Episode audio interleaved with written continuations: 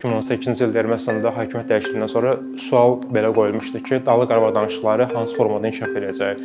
Hətta son 1 il yarım deyərik ki, deyə bilərik ki, müəyyən ümid ümidlər var idi bununla bağlı. Bunun əsas əsas səbəbləri var idi. İlk növbədə demək Ermənistan hakimiyyət dəyişikliyindən sonra 2018-ci ilin sentyabrında 10 il, bəlkə 15 ildən uzun müddət sonra ilk dəfə kommunikasiya kanalı açıldı Azərbaycan və Ermənistan rəhbərliyi arasında.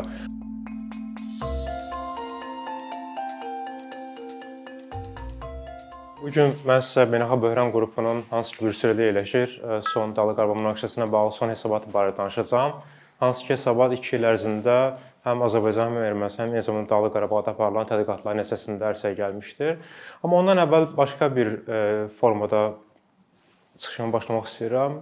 Demək 13-cü əsrdə Akvinalı Foma belə bir söz istifadə etmişdi ki, mən tək kitaba inananlardan qorxuram. Bunu həmin dövrün reallıqlarında ə, müxtəlif fərqli şəkildə yazıla bilərdi. Müxtəlif başqa kontekstdə deyilmiş bir söz idi. Lakin biz 90-cı illərə həm münaqişələrə gəldikdə ə, Sovet İttifaqı dağılandan sonra görürük ki, bu sözün də əhəmiyyəti hələ də itməmişdi.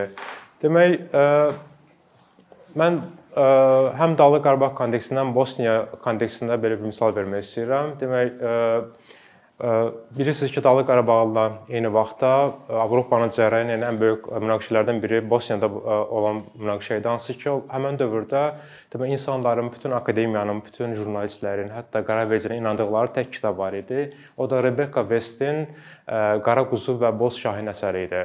Hətta daha sonra Robert Kaplan 93-cü ildə başqa bir kitab yazmışdı, Balkan larla bağlı. Həmin kitabda da yəni ilham qaynağı Rebecca Westin kitabı idi. Rebecca Westin kitabı ilə bağlı demək Dayton sazişini, Bosniyada müharibəni bitirən sülh sazişinin müəlliflərinin müəllifi olan Richard Holbrooke deyirdi ki, Rebecca Westin kitabı əsəri bütün Vaşinqton qərarvericilərini təsir altına almışdı. Məhz buna görə bəlkə də ABŞ və Qərb vaxtında müdaxilə edə bilmədi və böyük insani fəlakətlərə yol açdı. Dağlıq Qarabağ münaqişəsinə gəldikdə isə hazırda ən çox məşhur, ən məşhur olan kitab hər halda Tom Devalın Qarabağ əsəridir. Bu 2003-cü ildə yazılıbdı, amma demək olar ki, münaqişə ilə bağlı geri getdikdə 1988-ci ildə New York Times-da ilk çıxan məqalədə, Qarabağ münaqişəsinə bağlı məqalədə istinad edilən kitab həmin dövrdə demək Ermənistanın Ermənistan 1-ci Ermənistan Respublikası ilə bağlı 4 ciddi kitabın müəllifi Rafi Hovanesyanın kitabı idi, hansı ki ona istinad edirdilər və Dağlıq Qarabağla bağlı ilk qavramalar o kitab üzərində qurulmuşdu.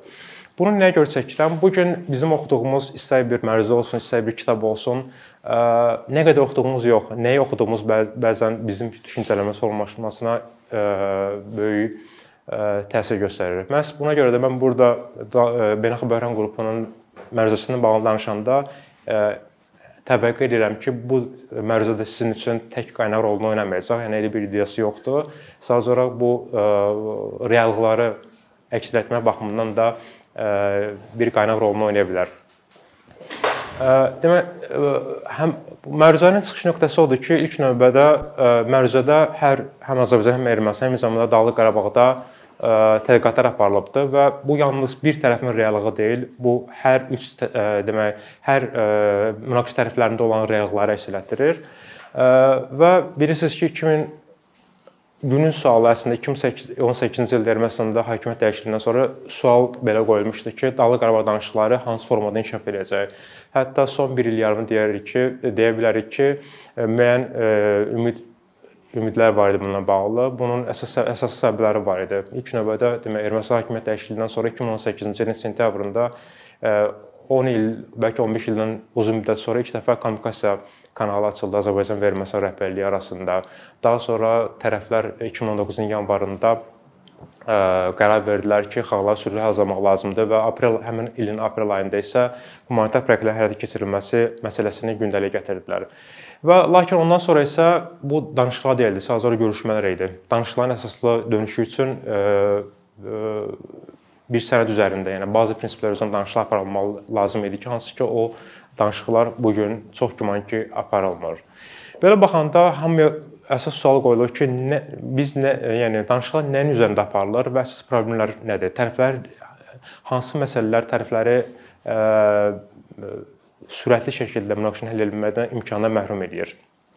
Bu gün hamımızın bilirsiniz ki, ən çox istifadə olunan, ən çox belə deyim, istinad olunan ə, sənədlərin biri model prinsiplərdir. 2007-2009-cu illərdə ə, bu münaqişənin həlli üçün bazı prinsiplər rol oynamalı İsmaildə bəzi prinsiplər məlumdur, yəni onun bəzi maddələri məlumdur, hansı ki, bu maddələr demə ərazilərin geri qaytarılması, məcburi keçkilərin geri qaytarılması, aralıq statusunun verilməsi, sülh məramlı qüvvə, qüvvələrinin yerləşdirilməsi və s. bunlar hamısı demə 90-cı illərdən davam edən danışıqların əslində tərkib hissəsidir. Yəni siz bütün model prinsiplərinə, Kazan prinsiplərinə, hətta adı keçən Lavrov plana baxdığında görürsüz ki, bütün əslində elementlər, yəni bəzi prinsipləri dəyişməz olaraq qalır. Və burada ə, bizim tədqiqatda demək 3 prinsip üzərində danışırıq. 3 prinsiplərdə reallıqlar nədən ibarətdir? Birinci prinsip birinci məsələ odur ki, ərazilərin geri qaytarılması və ya ə, məskunlaşma. Azərbaycana baxanda belə görsən ki, ərazilərin geri qaytarılması çox asan proses olacaq. Yəni sülh müqaviləsi imzalanacaq və ərazilər tezliklə geri qaytarılacaq. Lakin Ermənistanda və ya erməni cəmiyyətində demək olar ki, bu belə deyil. Bunun səbəblərindən biri bizim tədqiqatda da göstərilib ki, sürətli şəkildə məskunlaşmanın aparılmasıdır. 1998-ci ilə qədər e, demək olar ki, Kəlbəcər və Laçın xaricində e, Dağlıq Qarabağ ətraf rayonlarında, işğal altında olan rayonlarında e, məskunlaşma aparılmırdı. Lakin 98-ci ildə etibarən isə məskunlaşma sürətli şəkildə həyata keçirildi. 98 nəyə görə vacibdir?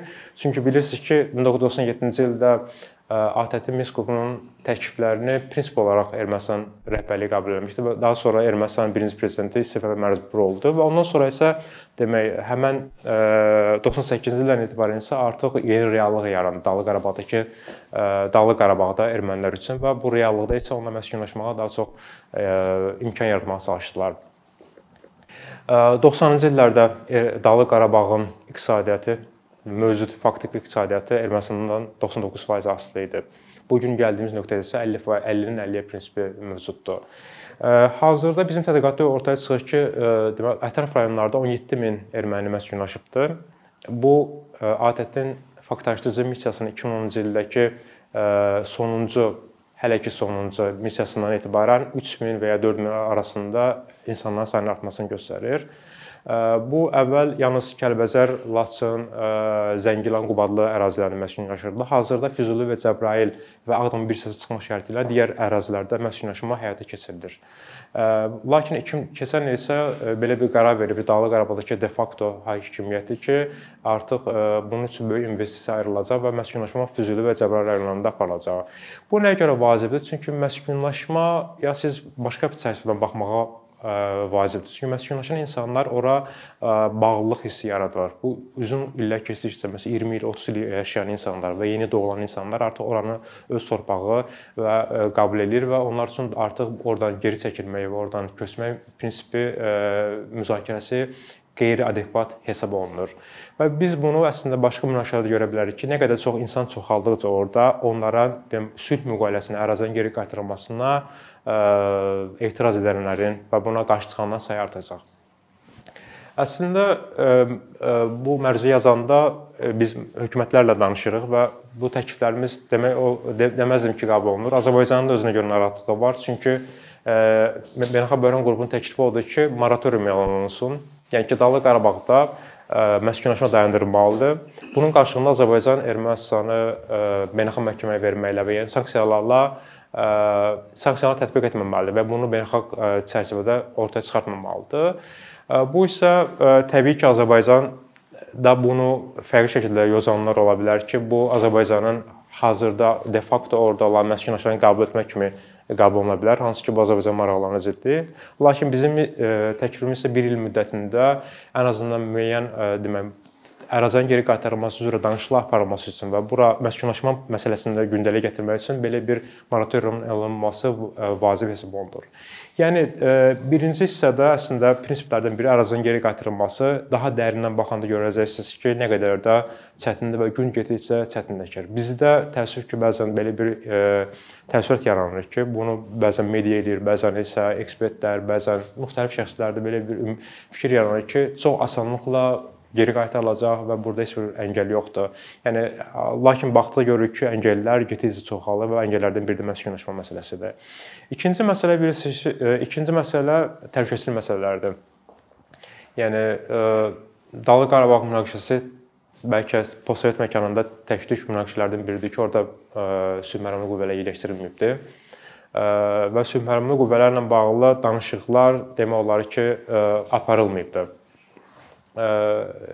Hazır yalnız bir ölkə hətta həm münaqişə müharibə davam edən müddətdə, həm müharibədən sonra öz sülh məramlarını yerləşdirmə təklifinə çıxış edib. O da Minsk qrupu həmsədrlərindən biri olan Rusiyadır. Onun xaricində isə belə bir təklifdən çıxış edən ölkə olmayıbdı. 4 məsələ var əslində sülh məramlarına bağlı. Birinci mandat məsələsidir.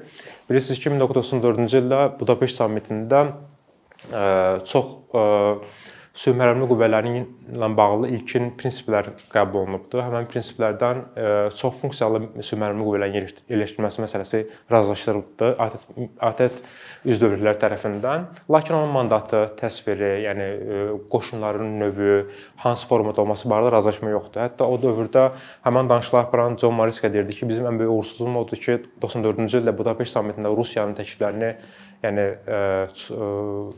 bu ATƏT tərkibində belə bir sülh məramlı qüvvələrinin gələcək yerləşdirilməsinə bağlı razılıq əldə elədik, amma ən böyük uğursuzluğumuz oldu ki, burada bunun forması ilə bağlı razılaşa razılaşa bilmədik. Və bununla bağlı 1995-ci ildə yüksək planlaşdırma qrupu formalaşıbdı. Demək ki, yüksək planlaşdırma qrupu 95-97-ci ildə 4 cür sülh məramlı qüvvələr, sülh məramlı variantlar hazırlayıbdı. Bunlar silahlı, qoşunlu və demək, yalnız monitorinq və və s. 4 planlar 90-cı ilin reallarını əks etdirir. Yəni bizim araşdırmamız onu göstərir ki, əslində sülh məramlı bağlı nə tərəflər arasında bir danışıqlar mövcud deyil, eyni zamanda planlar 90-cı illərin reallarını əks etdirir. Və bu bununla bağlı da ciddi iş aparılmalıdır və yüksək planlaşdırma qrupunun fəaliyyətinə yeni töhfə verilməsinə ehtiyac yaranır. Digər bir məsələ isə bilirsiniz ki, hazırda təkcə funksiyanı yerinə yetirən bu sülh məramlı qüvvə deyil, yalnız demək ATƏT-in şəxs sədrinin, şəxsi nümayəndəsinin regional ofisi var. Bunu Anji Kasperçik rəhbərlik eləyir 23 ildən çox müddətdə. Onların 6 nəfərlik demək heyəti var. Bu heyətin artırılması məsələsi gündəliyə gəlibdir. Yəni hazırda onun 13 və ya 14 olması Azərbaycan artırmaya etiraz eləmir, lakin mandatın dəyişdirilməsinə etiraz eləyir. Yəni mandat odur ki, yəni say arta bilər, amma siz onu Dağlıq Qarabağda yerləşdirə bilməzsiniz. Yəni bu ən böyük bununla bağlı beynəlxalq böhran qrupunun təklifi var ki, sayını ən azından sayını artırmasına bağlı razılaşma olmalıdır. Digər üçüncü məsələyə gəldikdə isə burada demək Rusiyanın rolu gəlir. Rusiyanın rolu bəlkə çox hamımız eşidirik ki, Rusiya heç bir tərəfinə Ermənistan, Azərbaycan Rusiyanın sülh məramlı qüvvələrinə razı deyil. Lakin nə qədər qəbul olmasa da 2015-ci ildə demək Rusiyanın Xarici İşlər naziri tərəfindən hazırlanan, əslində həm Madrid, həm Kazan prinsiplərinin əsasında formalaşan müəyyən dəyişiklik Rusiyanın maraqlarını təmin edən elementlərlə elementlərinin də olduğu Lavrov planı vardı. Əslində həmin plan demək Dağlıq Qarabağ ərazisinə Rus sülh məramlarının yerləşdirilməsini nəzərdə tuturdu. Yəni biz heç vaxt deyə bilmərik ki, Rus sülh məramlı məsələsi gündəlikdən çıxıbdı. Burada hamı centlmen razılaşmasından söhbət danışır, amma centlmen razılaşması əslində elə bir yazılı razılaşma olmadıqdan sonra belə bir razılaşma mövcud deyil. Əslində baxanda maraqlıdır ki, hər iki tərəf Rusiyanın burada dominant rolundan olmasını istəmir. Hər iki tərəfin fərqli demək, burada çıxış nöqtələri var. Azərbaycanın çıxış nöqtəsi məsələn bizim danışdığımız həm rəsmilər, həm ekspertlər cəmiyyətində ən azından dedikləri belədir ki, Rusiyanın yanı sülh məramlarla demək razılaşacağına hesab eləmirlər. Yəni bu daha böyük uzunmüddətli perspektivdə Rusiyanın orada qalıcı olması üçün başqa planlar da ola bilər və buna görə razı deyil. Ermənistan tərəfindən isə Rus sülh məramları bilirsiniz ki, təklif olunmuşdu ki, Dağlıq Qarabağın ətraf işğal olunmuş rayonlar ətrafında yerləşdirilsin. Ermənilərin narahatlığı odur ki, ruslar ora yerləşdirdikdən sonra artıq Dağlıq Qarabağda demək status məsələsi biraz bəlkə də Azərbaycanın xeyrinə həll ola bilər və orada silahsızlanma həyata keçiriləcək və artıq demək güc faktoru aradan çıxacaq. Bununla bağlı da yəni Beynəlxalq Böhran qrupu da tərəflər arasında ən azından bu centlmen anlaşmasının reallığa keçirilməsi üzrə danışıqlar aparılmasını, yəni bunu yazılı formada ən azından tərəflərin tərəflər tərəf münaqişə tərəfləri tərəfindən müzakirə olunmasını tələb göstərir. Qısa olaraq üçüncü ən böyük problemi keçirəm, status məsələsi.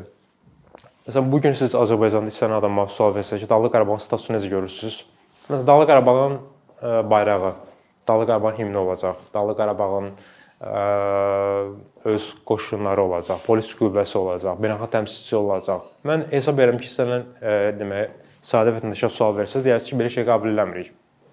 Amma Azərbaycan tərəfi ən yüksək status deyəndə və istinad elədiyi statuslar, istər Cənubi Tirol olsun, istər Alanda adaları olsun, əslində bu elementlərin hamısını özündə ehtiva edir.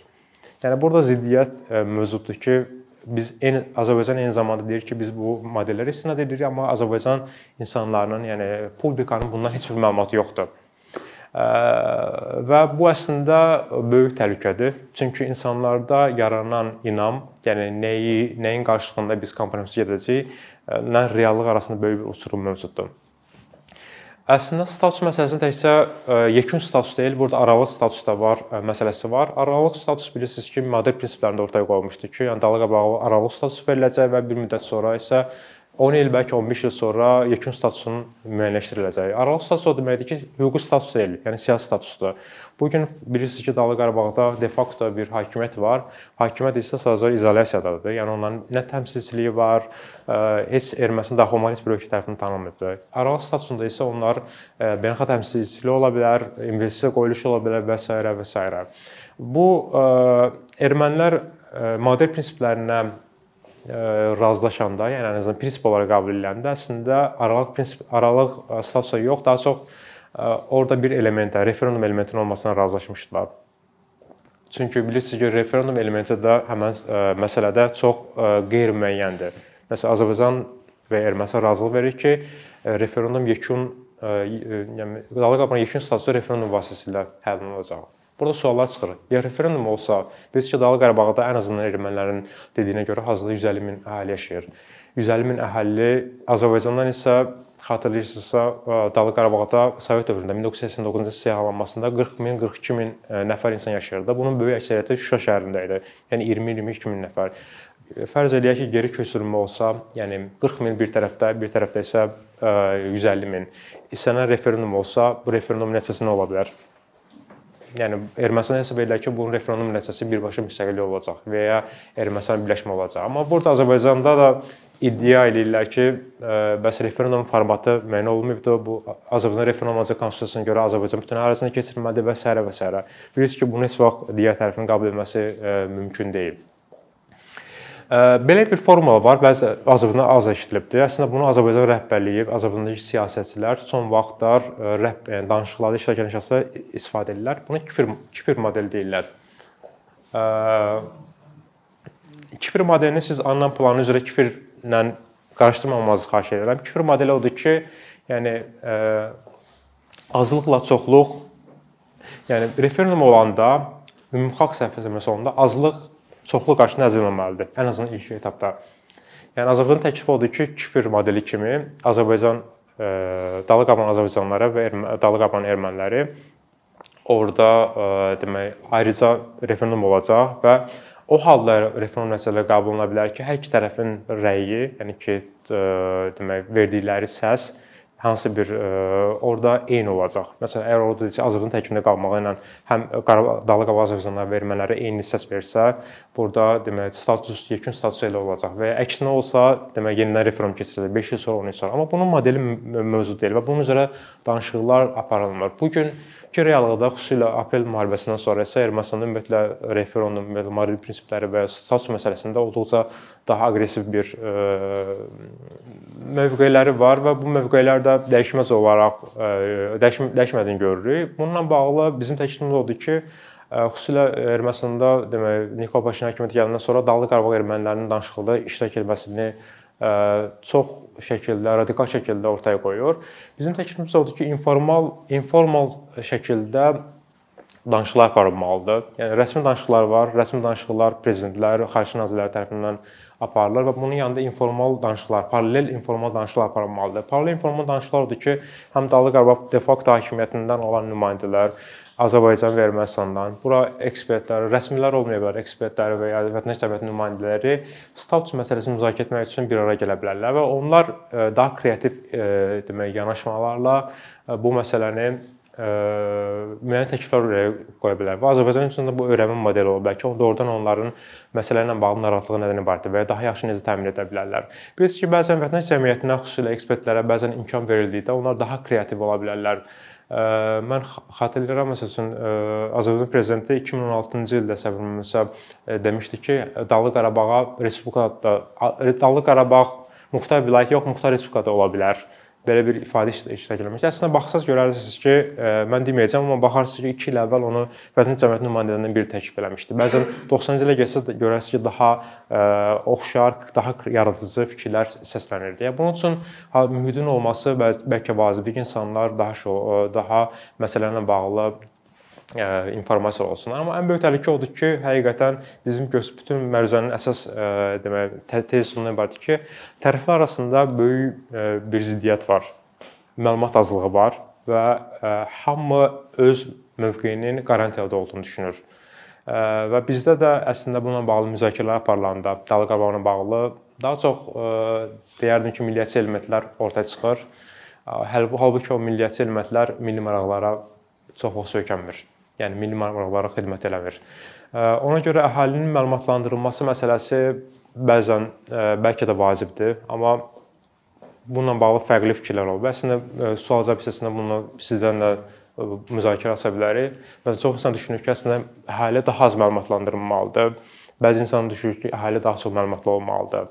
Çünki əhali daha çox məlumatlı olsa, daha hazırlı ola bilər. Məsələn, iki dənə misal verə bilirlər. Son başqa demə misallardan Şimali Kipr, demə Kipr anlam planı ilə bağlı, bir də ki Şimali İrlandiya.